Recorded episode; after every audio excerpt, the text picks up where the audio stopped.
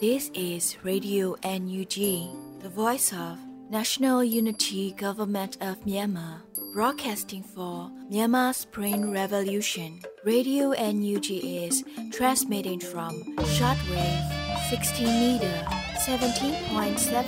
megahertz at 8:30 a.m. and 25 meter 11.94 megahertz at 8:30 p.m. Myanmar Standard Time.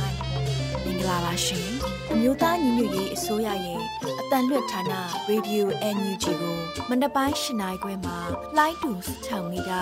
19.3ခွန်ကုန်းမဂါဟတ်စ်နဲ့ညပိုင်း၈နိုင်ခွဲမှာလိုင်းတူ25မီတာ17.3ကိုလီမဂါဟတ်စ်တို့မှာဓာတ်ရိုက်ဖမ်းယူနားဆင်နိုင်ပါပြီရှင်။မင်္ဂလာအပေါင်းနဲ့ပြည့်စုံကြပါစေ။အခုချိန်ကစပြီး Radio NUG စီစဉ်လေးကိုဓာတ်ရိုက်အတန်လွှင့်ပေးနေပါပြီ။ မြန်မာနိုင်ငံသူနိုင်ငံသားအပေါင်းတဘာဝပြီးစစ်အာဏာရှင်ဘေးရောနေကင်းဝေးပြီးကိုစိတ်နှပါကြားမလုံးခြုံပေးကင်းကြပါစေလို့ရေဒီယို UNG ဖွဲ့သားများကဆုတောင်းမေတ္တာပို့သလိုက်ရပါတယ်ရှင်။အခုချိန်ကစပြီးကာကွယ်ရေးဝန်ကြီးဌာန၏စစ်ရေးတရင်ချင်းချုပ်ကိုຫນွေဦးလင်ကကဖတ်ကြားတင်ပြပေးမှာဖြစ်ပါတယ်ရှင်။ ကာကွယ်ဝင်ကြီးဌာနအမျိုးသားညီညွတ်ရေးဆိုရက31ရက်ဇူလိုင်လ2022ခုနှစ်ထုတ်ဝေတဲ့စီရေးသတင်းချင်းချုပ်ကိုတင်ဆက်ပေးတော့မှာဖြစ်ပါတယ်။စစ်ကောင်စီတပ်သား96ဦးကြာဆုံးခဲ့ပြီး2ဦးထိခိုက်ဒဏ်ရာရရှိခဲ့ကြောင်းသတင်းရရှိပါရခင်ဗျာ။စစ်ကောင်စီနဲ့တိုက်ပွဲဖြစ်ပွားမှုသတင်းတွေကိုတင်ဆက်ပေးကြပါမယ်။ဇူလိုင်လ31ရက်နေ့နေ့လယ်12နာရီခန့်က မြဝတီမြို့နယ်မြဝတီမြို့တောင်ဘက်မြဝတီဝေါ်လီကားလန်၃တက်ကွေကျော်တရက်ပင်စကန်အနီးမှာစစ်ကောင်စီတပ်နဲ့ KNL ပူးပေါင်းတပ်ကော့ဘရာစစ်ကြောင်းတို့တိုက်ပွဲဖြစ်ပွားခဲ့ပြီးနေမီကျော်စစ်ကြောင်းထိုးလာတဲ့စစ်ကောင်စီတပ်ဖွဲ့ကို KNL ပူးပေါင်းဖွဲ့မှလက်ဦးမှုရယူကပြစ်ခတ်နိုင်ခဲ့ကြောင်းသတင်းရရှိပါရခင်ဗျာဇူလိုင်လ30ရက်နေ့မနက်7:00နာရီခန့်ကဥက္ကဋ္ဌစကန်နီရွှေအေးမြိုင်ကျွရသို့စစ်ကြောင်းထိုးလာတဲ့တက်မ44လက်အောက်ခံ စစ်ကောင်စီစစ်ကြောင်းနဲ့ Venom စစ်ကြောင်းတို့ကြားနှစ်ဖက်တိုက်ပွဲပြင်းထန်စွာဖြစ်ပွားခဲ့ရာတိုက်ပွဲအတွင်းစစ်ကောင်စီတပ်သား80ဦးနဲ့အထက်သေဆုံးခဲ့ပြီး Venom စစ်ကြောင်းမှရဲဘော်3ဦးကြာဆုံးခဲ့ကြောင်းသတင်းရရှိပါရခင်ဗျာချင်းပြည်နယ်မှာဇူလိုင်လ30ရက်နေ့ကဟာခါမြို့နယ်ဟာခါမြို့နယ်ထန်တလန်ကြားတီးမြစ်ချောင်းအနီးမှာစစ်ကောင်စီတပ်နဲ့ဒေသခံ CDF ပူးပေါင်းဖွဲ့တို့တိုက်ပွဲပြင်းထန်စွာဖြစ်ပွားခဲ့ပြီးစစ်ကောင်စီတပ်သား9ဦးသေဆုံးကအများအပြားဒဏ်ရာရရှိခဲ့ကြောင်းသတင်းရရှိပါရခင်ဗျာမွန်ပြည်နယ်မှာဇူလိုင်လ30ရက်နေ့မနက်၈နာရီခန့်ကရေးမြို့နယ်ရွာတစ်ကျွာနီးတရားကြီးထိပ်ရှိစစ်ကောင်စီစစ်ဆေးရေးဂိတ်ကိုမွန်ပြည်နယ်အခြေပြုတော်လှန်ရေးအဖွဲ့အစည်း MSRO ကလက်နက်ကြီး 79mm တလုံးတွားရောက်ပစ်ခတ်ခဲ့ပြီး နေ့လယ်12:30မိနစ်အချိန်ခန့်မှာရေးမြို့နယ်အာယုတောင်ကျွာရှိစစ်ကောင်စီလက်အောက်ခံခမာယ343တရင်ကိုလက်နက်ကြီး 79mm နှလုံးနဲ့တွားရောက်ပစ်ခတ်တိုက်ခိုက်ခဲ့ကြောင်းသတင်းရရှိပါရခင်ဗျာ။စကိုင်းတိုင်းမှာဇူလိုင်လ31ရက်နေ့နေ့လယ်12နာရီခန့်ကကလေးမြို့နယ်မှာထွက်လာတဲ့စစ်ကောင်စီတပ်သားများကို ရေရှင်ကျွရအနီးမှာပြည်သူ့ကာကွယ်တပ်မတော်ကလေးခရိုင်တရင်မှမိုင်းဆွဲတိုက်ခိုက်ခဲ့ပြီးထိတွေ့တိုက်ပွဲဖြစ်ပွားခဲ့ရာစစ်ကောင်စီတပ်သားများထိခိုက်ဒဏ်ရာရရှိမှုများပြားခဲ့ကြောင်းသတင်းရရှိပါရခင်ဗျာဇူလိုင်လ30ရက်နေ့ကမြင်းမှုမြို့နယ်ဂုံရင်းစိတ်ကျွာမှာညောင်မြင့်ကျွာသို့စစ်ကောင်စီတပ်သားများထွက်ခွာလာစဉ်ပြည်သူ့ကာကွယ်ရေးတပ်မတော်စကိုင်းခရိုင်တရင်တင်တဲ့ဒေသခံကာကွယ်ရေးဖွဲ့မှ40မမနဲ့ပြစ်ခတ်တိုက်ခိုက်ခဲ့ရာ စစ်ကောင်စီတပ်သား9ဦးသေဆုံးခဲ့ကြောင်းသတင်းရရှိပါရခင်ဗျာဇွန်လ30ရက်နေ့ည8:00နာရီခန့်ကဒဇယ်မြို့နယ်အင်ကုတ်ကားကျွာမှာတောင်ကြီးကျွာသို့ကင်းပတ်လာတဲ့စစ်ကောင်စီတပ်သားပြူစောထီများကို Guerrilla Warfare KPK TSR ဒဇယ်တိုက်က9 Star PLA PRLF ပြည်သူ့ကာကွယ်တပ်မတော်ရွှေဘိုခရိုင်တရင်30တရင်16တရင်6ပြည်သူ့ကာကွယ်အဖွဲ့ဒဇယ် ပြည်သူ့လုံခြုံရေးအဖွဲ့ဒဇယ်တို့ပူးပေါင်းပြီးမိုင်းဆွဲတိုက်ခိုက်ခဲ့ရာစစ်ကောင်စီတပ်သားနဲ့ပြူစောတိ3ဦးသေဆုံးခဲ့ကြောင်းသတင်းရရှိပါရခင်ဗျာဇူလိုင်လ30ရက်နေ့မနက်9:00နာရီခန့်ကကလေးမြို့နယ်ကလေးမြို့မှာစစ်ကောင်စီတပ်သား300ခန့်ကလေးဝလမ်းဘက်သို့ထွက်ခွာခဲ့ပြီးနောက်စစ်ကောင်စီတပ်သား150ခန့်တမူးလမ်းဘက်သို့ထွက်ခွာခဲ့ရာ55မိုင်နီမှာပြည်သူ့ကာကွယ်တပ်မတော်ကလေးခရိုင်တရင်မှာမိုင်းဆွဲတိုက်ခိုက်ခဲ့ပြီး ထိတွေ့တိုက်ပွဲတနအီကြာဖြစ်ပွားခဲ့ရာစစ်ကောင်စီက3စီးပျက်စီးသွားခဲ့ပါတယ်။စစစ်ကောင်စီတပ်သားများတေဆုံးထိခိုက်မှုရှိခဲ့ပြီး12ဘိန်းကားတစ်စီးနဲ့တေဆုံးစစ်ကောင်စီတပ်သားများနဲ့ဒဏ်ရာရစစ်ကောင်စီတပ်သားများအားတေဆောင်ခဲ့ပြီးကားပေါ်မှာ medical drip 15လုံးခန့်ချိတ်၍အမြန်မောင်းနှင်သွားခဲ့ကြောင်းသတင်းရရှိပါရခင်ဗျာဇူလိုင်လ30ရက်နေ့ညနေ9:00နာရီခန့်ကစကိုင်းမြို့နယ်စတောင်ရဲစခန်းမှာစကိုင်းဘက်သို့စစ်ကောင်စီကားကြီးတစည်းထွက်လာစဉ် ကျော်စရာကျေးရွာနဲ့တစ်ချိုကုန်းကျေးရွာကြားမှာဒေသခံကာကွယ်တပ်ဖွဲ့များမှမိုင်းဆွဲတိုက်ခိုက်ခဲ့ကြောင်းသတင်းရရှိပါရခင်ဗျာမန္တလေးတိုင်းမှာဇူလိုင်လ30ရက်နေ့မနက်9:00နာရီခန့်ကငစုံမြို့နယ်မြို့သားစက်မှုဆောင်နီးမှာစစ်ကောင်စီကားလေးစီးပါရင်ထဲအောင်ငကနီပျောက်ကြားတပ်ဖွဲ့မြင်းကျံမှာပဒေသာမိုင်းငါးလုံးဆွဲတိုက်ခိုက်ခဲ့တဲ့အတွက်ကြောင့်တက်ကြကြီးတူအပါအဝင်၃ဦးသေဆုံးခဲ့ပြီး2ဦးထိခိုက်ဒဏ်ရာရရှိခဲ့ကြောင်းသတင်းရရှိပါရခင်ဗျာ တနင်္သာရီတိုင်းမှာဇူလိုင်လ30ရက်နေ့ည9:40မိနစ်အချိန်ခန့်ကရေပြူမြို့နယ်အေကနီဘက်မှဒဝဲဘက်သို့ဆင်းလာတဲ့စစ်ကောင်စီကားတဲ့အားညင်းထွေးနဲ့စီးကြရွာကြားမှာ DGRS အဖွဲ့မှမိုင်းဆွဲတိုက်ခိုက်ခဲ့ရာဆက်လက်တင်ထားတဲ့စစ်ကောင်စီပွိုင်ကားတစ်စီးထိမှန်သွားခဲ့ကြောင်းသတင်းရရှိပါရခင်ဗျာဆက်လက်ပြီးစစ်ကောင်စီကကျူးလွန်တဲ့ရာဇဝမှုတွေကိုတင်ဆက်ပေးကြပါမယ် ကချင်ပြည်နယ်မှာဇူလိုင်လ30ရက်နေ့ည9:00နာရီခန့်ကပူတောင်မြို့နယ်ပူတောင်မြို့လုံးစွရက်ကွက်ရှိစားတောက်ဆိုင်မှာဆိုင်ထိုင်နေတဲ့လူငယ်တူအားစစ်ကောင်စီလက်အောက်ခံရဲများမှအရဲဝတ်နဲ့ရိုက်နှက်ဖမ်းဆီးသွားခဲ့ကြောင်းသတင်းရရှိပါရခင်ဗျာ။စကိုင်းတိုင်းမှာဇူလိုင်လ30ရက်နေ့မနက်၄နာရီခန့်ကစကိုင်းမြို့နယ်အောင်ချမ်းသာကျွော်မှာတပ်ပုံစရာကိုအေးကျော်ကိုစစ်ကောင်စီတပ်သားများကထောက်ပို့လုပ်နေသည်ဟုဆွဆွဲချက်နဲ့နေအိမ်မှာလာရောက်ဖမ်းဆီးသွားခဲ့ပြီး ညနေ၄နာရီမှာကိုအေးကျော်ကိုတပ်ဖြတ်ခဲ့ပြီးအလောင်းလာချသွားခဲ့ကြောင်းသတင်းရရှိပါရခင်ဗျာ။ဇူလိုင်လ30ရက်နေ့နေ့လယ်10:30မိနစ်ချိန်ခန့်ကစကိုင်းမြို့နယ်စကိုင်းမြို့ပိုးတန်းရက်ကွယ် Channel ကြီးရက်နေမတ်မေသူကျွဲအသက်30ခန့်အပါအဝင်အမျိုးသမီး9ဦးကိုအမှတ်1မြို့မရဲစခန်းမှာရဲတပ်ဖွဲ့ဝင်များကဖမ်းဆီးသွားခဲ့ကြောင်းသတင်းရရှိပါရခင်ဗျာ ဇူလိုင်လ30ရက်နေ့မနက်3:25မိနစ်ချိန်ခန့်ကစကိုင်းမြို့နယ်တာစင်ကျွော်မှာတဆွဲထားတဲ့စစ်ကောင်စီတပ်သားများကားနှစ်စီးနဲ့စတောင်မြို့ဘက်သို့ထွက်ခွာသွားရာညနေ4:25မိနစ်အချိန်မှာစတောင်ရဲစခန်းသို့ပြန်ရောက်လာခဲ့ပြီးပြည်သူ15ဦးကိုလည်းလက်ပြန်ကျိုးတုပ်ဖမ်းဆီးခေါ်ဆောင်လာခဲ့ကြောင်းသတင်းရရှိပါရခင်ဗျာမကွေးတိုင်းမှာဇူလိုင်လ30ရက်နေ့ည8နာရီခန့်ကပွင့်ဖြူမြို့နယ်တောင်အင်းရွာဖျားကုန်းကျွော်အနီးရှိရေတင်မြောင်းပေါင်ပေါ် တောင်ရင်ကျွော်နဲ့ဖျားကုန်းကျွော်ကြားမကြီးကုန်းအပေါ်လေကိုင်းရွာလက်ဆင်စားတဲ့နေရာတို့မှာညစဉ်၈နာရီနောက်ပိုင်းမှာစစ်ကောင်စီတပ်သားများကင်းပုံချစစ်ဆေးနေပြီးလမ်းသွားလမ်းလာဒေသခံပြည်သူများအားစစ်ဆေး၍မတင်ကားလင်ထိုးကျိတ်နေပြီးဒေသခံပြည်သူအချို့အားအခကျင်းငွေအတင်းအဓမ္မတောင်းခံမှုပြုလုပ်နေတဲ့အပြင်ပြည်သူချို့အားစစ်ကောင်စီကင်းမုံများညအိစဉ်အတူကင်းဆောင်ပေးရင်အတင်းအဓမ္မခိုင်းစေမှုများပြုလုပ်နေကြောင်းသတင်းရရှိပါရခင်ဗျာ ဇူလိုင်လ30ရက်နေ့ည7:30မိနစ်ချိန်ခန့်ကပွင့်ဖြူမြို့နယ်စေမုံရွာခုံစုရွာတောင်ဘက်ရှိကျောင်းကုန်းကျေးရွာမှာဒေသခံဖြစ်သူကိုဘိုထင်းနဲ့ဒေသခံရွာကန်အမျိုးသား၄ဦးအားပွင့်ဖြူမျိုးရှိစစ်ကောင်စီဝါဆိုင်ပြိုးရတဲ့နဲ့စနင်းမျိုးဘက်ရှိစစ်ကောင်စီများမှလာရောက်ဖမ်းဆီးစစ်ဆေးရိုက်နှက်နေပြီးကိုဘိုထေးရဲ့နေမှာပစ္စည်းများအားတင်ယူသွားခဲ့ကြောင်းသတင်းရရှိပါရခင်ဗျာဇူလိုင်လ30ရက်နေ့ညပိုင်းက 6မြို့နယ်6မြို့ရှိလမ်းပိုင်းတနေရာမှာဒီမိုကရေစီရရှိရေးတူရေးဟုဆန္ဒပြအော်ဟစ်ခဲ့တဲ့ဆိုင်ကယ်တစ်စီးနဲ့လူငယ်၃ဦးကိုစစ်ကောင်စီတပ်သားများကတနက်နေ့လိုက်လံပစ်ခတ်ခဲ့ရာလူငယ်များလွတ်မြောက်ခဲ့ကြောင်းသတင်းရရှိပါရခင်ဗျာ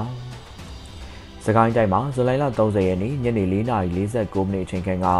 ရေပြူမြို့နယ်ဧကနီရွာဘက်မှစစ်ကောင်စီတပ်သားများကကြောက်ကားနှစ်စီးစစ်ကောင်စီကားတစ်စီးနဲ့ရေပြူဘက်သို့ပြန်လည်ထွက်ခွာလာခဲ့ပြီးခ မောင်းချောင်းရွာအရှိဘက်ရှိနေအိမ်လေးလုံးကိုစစ်ကောင်စီတပ်သားများမှမိရှို့ခဲ့ကြောင်းသတင်းရရှိပါရခင်ဗျာဇူလိုင်လ30ရက်နေ့ည10:50မိနစ်အချိန်ခန့်ကမြိတ်မြို့နယ်မြိတ်မြို့မှာစစ်ကောင်စီတပ်သားများမှစိုက်ကယ်များကိုစစ်ဆေးမှုလုပ်နေခြင်းလူငယ်တူကိုစိုက်ကယ်ရနာပေးခြင်းနောက်ကျတဲ့အတွက်ကြောင့်အပြင်းထန်ရိုက်နှက်ခါဖမ်းဆီးသွားခဲ့ကြောင်းသတင်းရရှိပါရခင်ဗျာရန်ကုန်တိုင်းမှာဇူလိုင်လ30ရက်နေ့ကရန်ကုန်တိုင်းရှိမြို့နယ်ချို့မှာ လူလူသစ္စာဒိတ်ထန်ပြပွဲအတွက်တံမုံတီးတဲ့နေများကိုစစ်ကောင်စီဖွဲ့ဝင်များမှဝင်ရောက်ဖမ်းဆီးခဲ့ပြီးကမာရွတ်မြို့နယ်လှဲတန်းပင်90လမ်းမှာတံမုံတီးတီဟုဆိုကပြည်သူနှုတ်ကိုဖမ်းဆီးခဲ့ကြောင်းသတင်းရရှိပါရခင်ဗျာဇူလိုင်လ30ရက်နေ့ကလိုင်းမြို့နယ်ရှိမင်္ဂလာခမ်းမမှာအလုပ်လုပ်တဲ့အမျိုးသမီးတူအားစစ်ကောင်စီဖွဲ့ဝင်များမှလာရောက်ဖမ်းဆီးခဲ့ရမှာမတွေ့ခဲ့တဲ့အတွက်ကြောင့်၎င်းရဲ့အမဖြစ်သူမိမိမော်ခင်မွန်းဖြစ်သူနဲ့ကလေးညီမဖြစ်သူဆွေ ညီမ၏ခင်မွန်းဖြစ်သူနဲ့ကလေးစုစုပေါင်း6ဦးတို့ကိုရိုက်နှက်ဖမ်းဆီးခဲ့ကြောင်းသတင်းရရှိပါရခင်ဗျာဇူလိုင်လ30ရက်နေ့ကစမ်းချောင်းမြို့နယ်လင်းလုံးမြောက်ရဲကွယ်ရွှေစင်ကျဲလက်ဖေးဆိုင်ရှိဥလူမော်ကိုစစ်ကောင်စီများကမျက်နာကိုအဝတ်ပြုအုပ်ပြီးခေါ်သွားခဲ့ကြောင်းသတင်းရရှိပါရခင်ဗျာယခုတင်ဆက်သွားတဲ့သတင်းတွေကိုမြေပြင်သတင်းတာဝန်ခံများနဲ့သတင်းဌာနတွေမှာဖော်ပြလာတဲ့အချက်လက်တွေပေါ်အခြေခံပြုစုထားခြင်းဖြစ်ပါတယ်။ ကျွန်တော်ကတော့ຫນွေဦးလင်ပါ။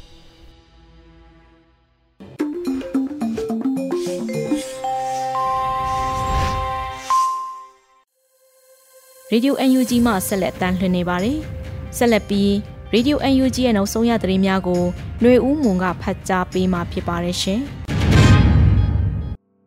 င်္ဂလာပါရှင်ခုချိန်ကစပြီးတော့နောက်ဆုံးရပြည်တွင်းသတင်းတွေကိုတင်ဆက်ပေးသွားမှာပဲဖြစ်ပါတယ်ခုတင်ဆက်မဲ့သတင်းတွေကိုတော့ Radio Energy သတင်းတာဝန်ခံတွေနဲ့ခိုင်လုံတဲ့မိဘသတင်းရင်းမြစ်တွေကအခြေခံတင်ပြထားတာဖြစ်ပါတယ်ကျွန်မကတော့ຫນွေဦးမော်ပါ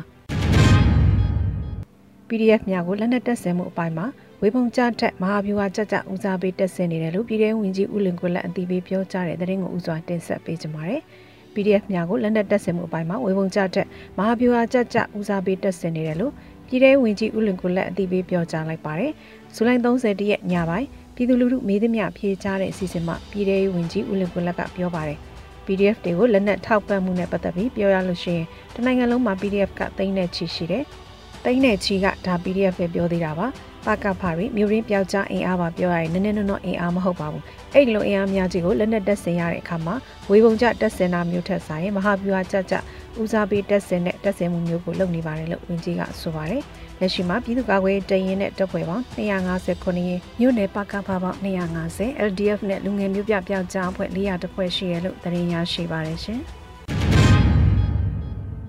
ညမကြာမီကာလတွေမှာတိုက်ပွဲအရှင်ကိုမဟာဗျူဟာကြကြမြင့်တင်နိုင်ရဖို့ရှိလာနိုင်တယ်လို့ကာကွယ်ဝင်ကြီးဦးရမှုပြောကြားတဲ့သတင်းကိုဆက်လက်တင်ဆက်ပေးပါမယ်။ ညမကြာခင်ကာလတွေမှာတိုက်ပွဲအရှင်ကိုမဟာဗျူဟာကြကြမြင့်တင်နိုင်ရဖို့ရှိလာနိုင်တယ်လို့ကာကွယ်ဝင်ကြီးဦးရမှုအသိပေးပြောကြားလိုက်ပါတယ်။ဇူလိုင်30ရက်နေ့ကျင်းပတဲ့ဂျာပြူတက်ခွဲတရဲ့တနစ်ပြည်အခမ်းအနားသို့ပေးပို့တဲ့တဝင်းလွှာမှာကာကွယ်ဝင်ကြီးဦးရမှုကထည့်သွင်းပြောပါတယ်။ညမကြခင်ကာလတွေမှာတိုက်ပွဲအရှင်ကိုမဟာဗျူဟာကြကြမြင့်တင်နိုင်ရဖို့ရှိလာနိုင်ပါတယ်။ရဲဘော်တို့အားလုံးတိုက်ပွဲဝင်ကြဖို့အသင့်ရှိကြစေလိုပါတယ်။ရန်သူကိုရန်သူလိုတိုက်ခတ်ရမှာဖြစ်ပါတယ်။တိုက်ခတ်ရမှာပြည်သူ့ကာကွယ်ရေးတပ်မတော်ကချမှတ်ထားတဲ့ စစ်တီတော်ကျင်းဝတ်အစည်းကမ်းတွေကိုလေးစားလိုက်နာကြဖို့အထူးသတိပေးလိုတယ်လို့ဝန်ကြီးကဆိုပါတယ်။2021ခုနှစ်စက်တင်ဘာ9ရက်နေ့မှာပြည်သူ့ခုခံတွန်းလှန်စစ်များစတင်မှုမြို့သားညီညွတ်ရေးအစိုးရဟာကြေညာခဲ့ပါတယ်ရှင်။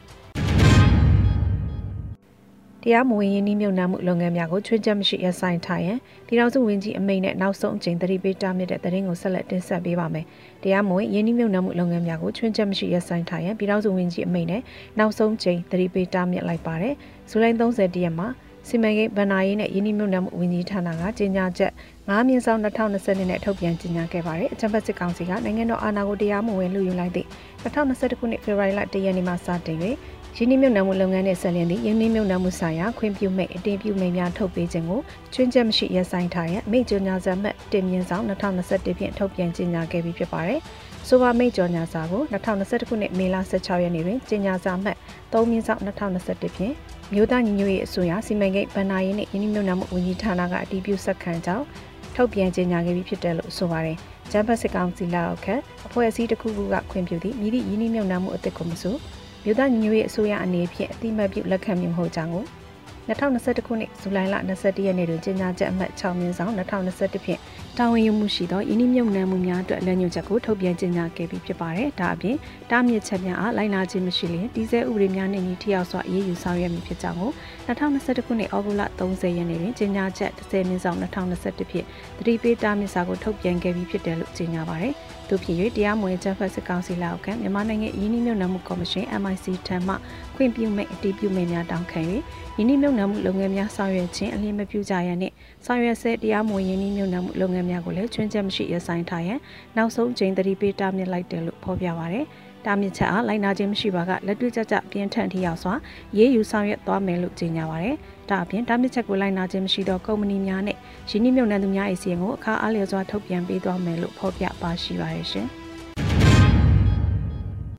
ပြည်သူလူထုကိုတပ်ဖြတ်ပြီးအာဏာထူထောင်နိုင်မယ်လို့ထင်ထားတဲ့စစ်ကောင်စီတွက်ကလွဲမာကသွေးပြက်နေတယ်လို့လူခွေရေးရဝန်ကြီးပြောကြားလိုက်တဲ့သတင်းကိုဆက်လက်တင်ဆက်ပေးပါမယ်။ပြည်သူလူထုကိုတပ်ဖြတ်ပြီးအာဏာထူထောင်နိုင်မယ်လို့ထင်ထားတဲ့စစ်ကောင်စီရဲ့တွက်ကလွဲမာကသွေးပြက်နေတယ်လို့ လူခွေရေးရဝန်ကြီးဦးအောင်မျိုးမင်းကပြောပါတယ်။ဇူလိုင်30ရက်ညပိုင်းပြည်သူ့ပန်းတိုင်ကကျင်းပတဲ့စကားဝိုင်းမှာလူခွေရေးရဝန်ကြီးဦးအောင်မျိုးမင်းကပြောကြားခဲ့ပါတယ်။ကျန်းဖက်စစ်ကောင်စီဟာသူတို့ရည်မှန်းထားသလိုအကြောင်းမျိုးမျိုးပြပြီးတော့ဆီယနာသိပြည်သူလူထုကိုတပ်ဖြတ်ပြီးတော့အာဏာကိုထူထောင်နိုင်မယ်။ တစ်ချိန်တည်းမှာပဲတိုင်းပြည်ကိုသူတို့ပြောထားတဲ့အတိုင်းတိုင်းပြည်အုပ်ချုပ်မင်းလုပ်နိုင်မယ်လို့သူတို့တွက်ထားတယ်လို့မဖြစ်တဲ့အတွက်ကြောင့်သွေးကြီးသွေးတန်းတော်တော်ဖြစ်နေပြီဆိုတာကိုသူတို့ရဲ့စိတ်ပိုင်းဆိုင်ရာပုံစံကဖော်ပြနေတာဖြစ်ပါတယ်လို့ဝင်းကြီးကဆိုပါတယ်။ဒါအပြင်စစ်ကောင်စီဟာနှွေဦးဒေါ်လင်းရဲ့အောင်မြင်မှုတွေကိုစိုးရင်လာပြီးတော့ပြည်သူလူထုကိုလက်နက်နဲ့အချိန်ကြောက်ကကြောက်တရားနဲ့အုပ်ချုပ်ဖို့ပြင်ဆင်တော့လေလူထုဟာကြောက်လန့်မသွားဘူးလို့လူခွင့်ရဝင်ကြီးကထပ်လောင်းပြောကြားပါတယ်။လက်ရှိမှာဂျပန်စစ်ကောင်စီဟာလူပေါင်း2000ကျော်ကိုတပ်ဖြတ်က1000ကျော်ကိုဖမ်းဆီးချုပ်နှောင်ထားပါတယ်ရှင်။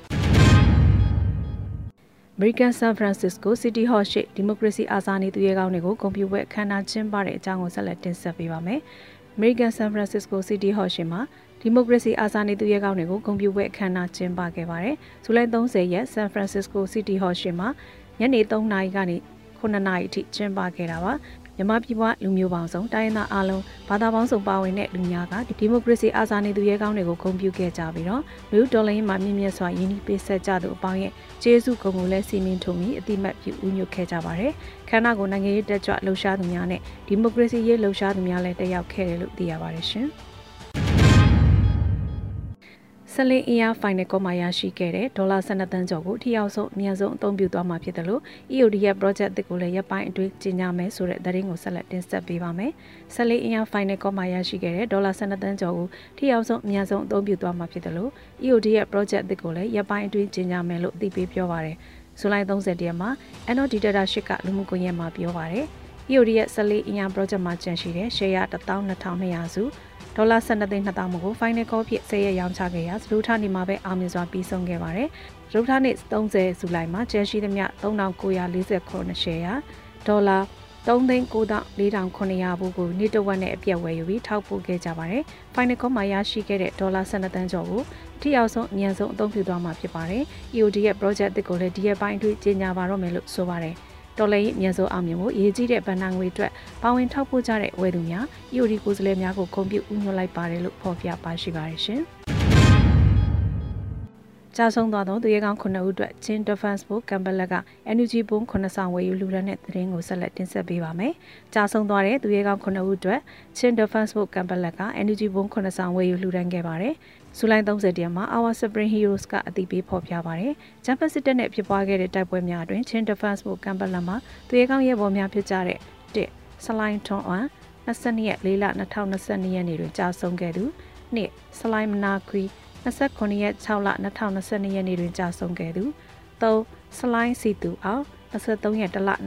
2021အပေါ်ရွာနာတိုက်ပွဲတွင်ကြာဆုံးခဲ့သူ ၄စလိုင်းလင်းအွန်25ရက်6လ2021လေရင်ကွင်းတွင်ကြာဆုံးခဲ့သူငါစလိုင်းအောင်ဟွန်မောင်24ရက်6လ2021 6မိုင်တိုက်ပွဲတွင်ကြာဆုံးခဲ့သူ6စလိုင်းလင်းရွှေ30ရက်5လ2021တာဝါတိုက်ပွဲတွင်ကြာဆုံးခဲ့သူခုနှစ်စလိုင်းအောင်လင်း 30ရက်5လ2021တာဝါတိုက်ပွဲတွင်ကြာဆုံးခဲ့သူတို့ဟာတိုင်းပြည်နဲ့ပြည်သူအတွက်တိုက်ပွဲဝင်ရင်မုံမြတ်စွာအသက်ပေးလူသွားခဲ့ရပါတယ်။ဒီသူရဲကောင်းရဲဘော်9ဦးရဲ့ကျန်းသူမိသားစုကိုကူညီစောင့်ရှောက်တဲ့အနေနဲ့ Chin Defense Book ကမ်ဘလက်ကတို့ຫນွေဦးသူရဲကောင်းတွေအတွက်ငွေတိုက်စာချုပ်အားဝယ်ယူပြီးလူဒန်းပေးအပ်ကုန်ပြုလိုက်တယ်လို့ဆိုပါတယ်။ပြည်သူများအနေဖြင့်ຫນွေဦးသူရဲကောင်းများအားရည်စုပြီးသူတို့ရဲ့ကျန်းရဲသူမိသားစုအတွက်တို့ຫນွေဦးသူရဲကောင်းအတွက်ငွေတိုက်စာချုပ်တွေကိုဆက်သွယ်ဝယ်ယူလူဒန်းပေးနိုင်ကြောင်းလည်းတင်ပြရရှိပါတယ်ရှင်။ မြို့လ KBDF လှုပ်ရှားနယ်မြေတွင်မူရည်စေဝါများကိုဆက်ဆက်ပစ္စည်းများနဲ့အတူပိုင်ရှင်များကိုပါဖမ်းဆီးရမိတဲ့သတင်းကိုဆက်လက်တင်ဆက်ပေးပါမယ်။မြို့လ KBDF လှုပ်ရှားနယ်မြေတွင်မူရည်စေဝါများကိုဆက်ဆက်ပစ္စည်းများနဲ့အတူပိုင်ရှင်များကိုပါဖမ်းဆီးရမိခဲ့တယ်လို့သိရပါတယ်။ဇူလိုင်28ရက်မြို့လ KBDF မှတရင်တဲ့အတွက်ဟင်းအွန်မြို့ကုန်းနောင်မဲခိုလိတ်လိတ်စင်မိုးစစ်ရေလက် စီတော့စင်ငန်းရွှေမော်များပါမကြံမူရည်စေဝါများကိုဆက်ဆက်ပစ္စည်းများနဲ့ဒူပိုင်ရှင်များကိုဖမ်းဆီးခဲ့တယ်လို့ဆိုပါတယ်။ဝရမ်းလုသူများနဲ့စုံစမ်းနေတဲ့မူရည်စေဝါသားကောင်များအားအပြင်းထန်သတိပေးခဲ့ပြီးရမီရဖများရှိတွင်ဝန်ခံကလေးများပြုလုပ်ခိုင်းကပထမဆုံးအကြိမ်ဖြစ်ပြန်လွတ်ပေးခဲ့တယ်လို့ဖော်ပြပါတယ်။နောက်နောက်များမှာလည်းလူညွန့်တုံးစီမိမူရည်စေဝါများရောင်းဝယ်ဖောက်ကားခြင်းတုံးဆွဲခြင်းများအားအလင်းတင်တယ်လို့စုံစမ်းဖော်ထုတ်နေနေသွားမယ်လို့ထုတ်ပြန်ပါတယ်ရှင်။ခုတင်ပြပေးခဲ့တဲ့သတင်းတွေကိုတော့ Radio Energy သတင်းတောက်မင်းမင်းကပေးပို့တာဖြစ်ပါတယ်။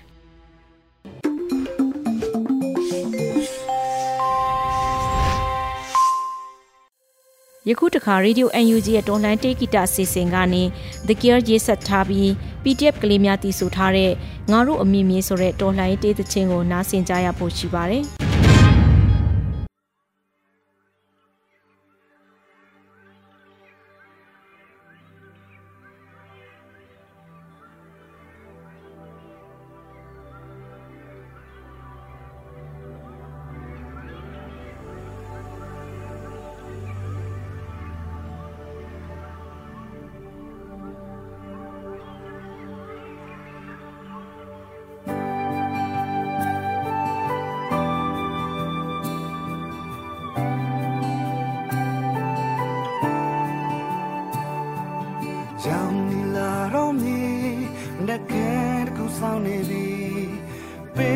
ခဲ့သမျှမင်းရဲ့ကြောင်းတွေကဘာမှမောကွန်တီ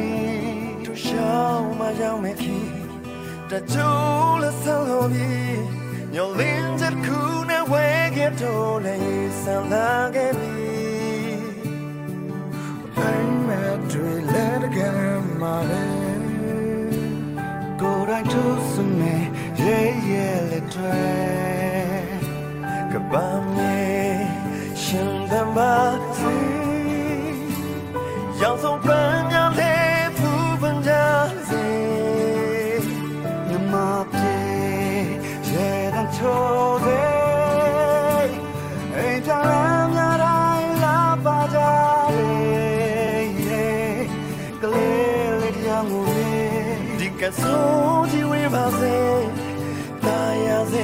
တိုင်းလာပါကြလေကလေးလေး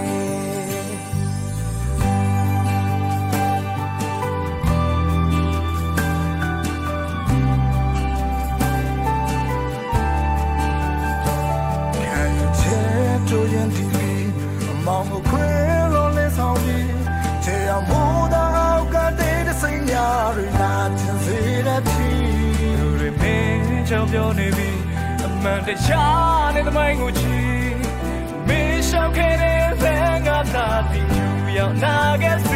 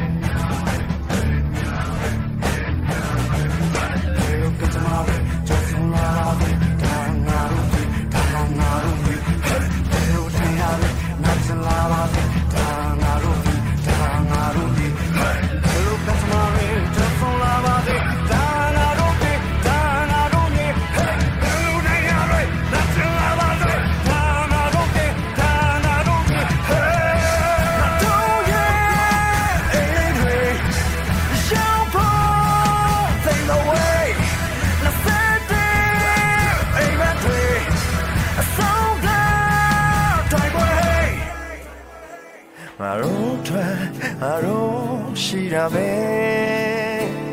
ကိုယ်တိုင်သူစမယ် Yeah yeah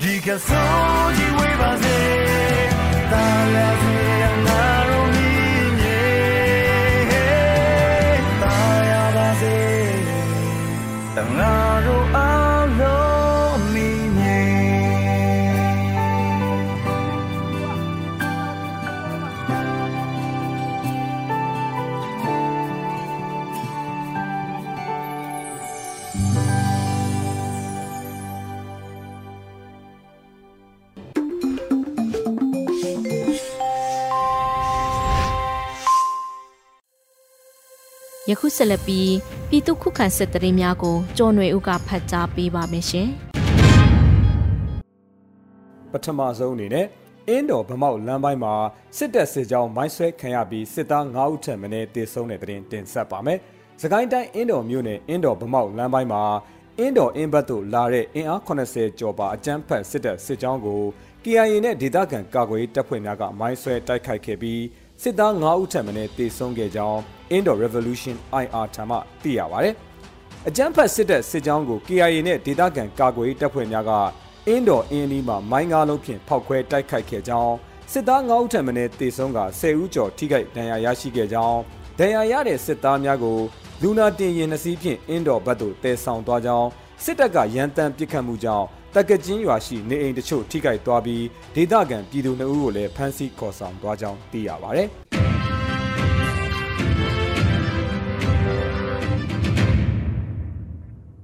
ဆက်လက်ပြီးမန္တလေးမှာစစ်တပ်ရင်တန်းမိုင်းဆွဲခံရကအရာရှိတအုပ်အပါအဝင်၃ဦးခန့်တေဆုံးတဲ့တဲ့တင်တင်ဆက်ပါမယ်။မန္တလေးတိုင်းမြို့သားမှထွက်ခွာလာတဲ့စစ်ကား၄စီးပါရင်တန်းကိုဇူလိုင်လ30ရက်နေ့နနက်9နာရီခန့်မှာငကနီပျောက်ကြားတပ်ဖွဲ့ကဗရေဒါမိုင်း၅လုံးဖြင့်ဖောက်ခွဲတိုက်ခိုက်ခဲ့ပြီး ကားနှစ်စီးထိမှန်ကအရာရှိတအုပ်အပါအဝင်၃ဦးတေဆုံးခဲ့ကြောင်းငကနီပျောက်ကြားတပ်ဖွဲ့ထံမှသိရတာပါ။မြင်းမူမှာစစ်တပ်ထောက်ပို့ရင်တန်းမိုင်းဆွဲတိုက်ခိုက်ခံရပြီး9ဦးခန့်တေဆုံးတဲ့တဲ့တင်ဆက်လက်တင်ဆက်ပါမယ်။စကိုင်းတိုင်းမြင်းမူမြို့နယ်အလကပ်ပရွာနဲ့ဝမ်းပြည့်ရွာအကြားမှာဇူလိုင်လ30ရက်နေ့နနက်9နာရီကျော်ခန့်မှာစစ်တပ်ရိတ်ခါပို့ရင်နှန်းကိုဒေသခံကာကွယ်ရေးတပ်ဖွဲ့များကမိုင်းဆွဲတိုက်ခိုက်ခဲ့ပြီးစစ်သား9ဦးခန့်တေဆုံးခဲ့ကြောင်း0ပျောက်ကြားတပ်ဖွဲ့မြင်းကြံထံမှသိရပါဗျ။ စစ်ကားရင်နှန်းကို G4G PDF စကိုင်းခရိုင်ပကဖမိုင်းထုတ်လုပ်ရေးဌာနခွဲ DBB F8 0ပျောက်ကြားတပ်ဖွဲ့မြင်းကြံနဲ့ PKDF တို့ကပူးပေါင်းမိုင်းဆွဲခဲ့ခြင်းပါ။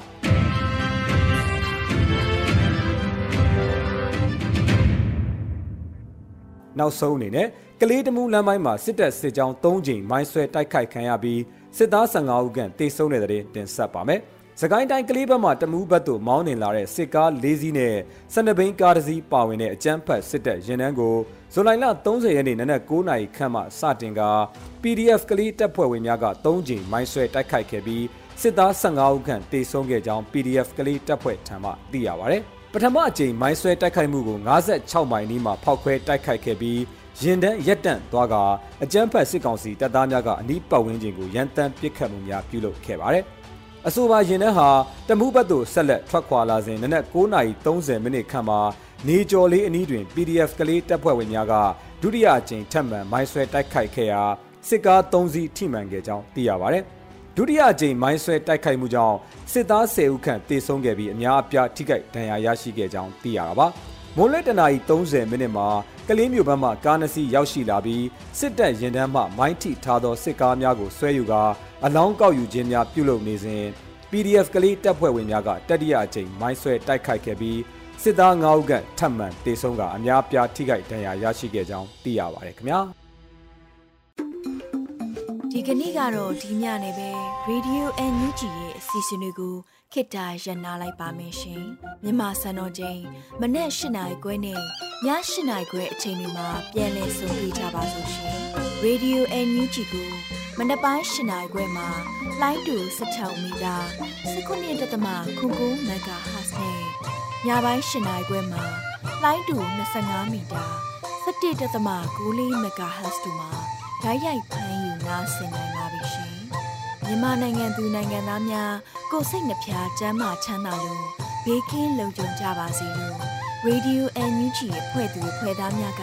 ဆုတောင်းလိုက်ရပါတယ်။ San Francisco Bay Area အခြေစိုက်မြန်မာမိသားစုများနဲ့နိုင်ငံတကာကစေတနာရှင်များလို့အားပေးများရဲ့ Radio NUG ဖြစ်ပါတယ်ရှင်။အရေးတော်ပုံအောင်ရမည်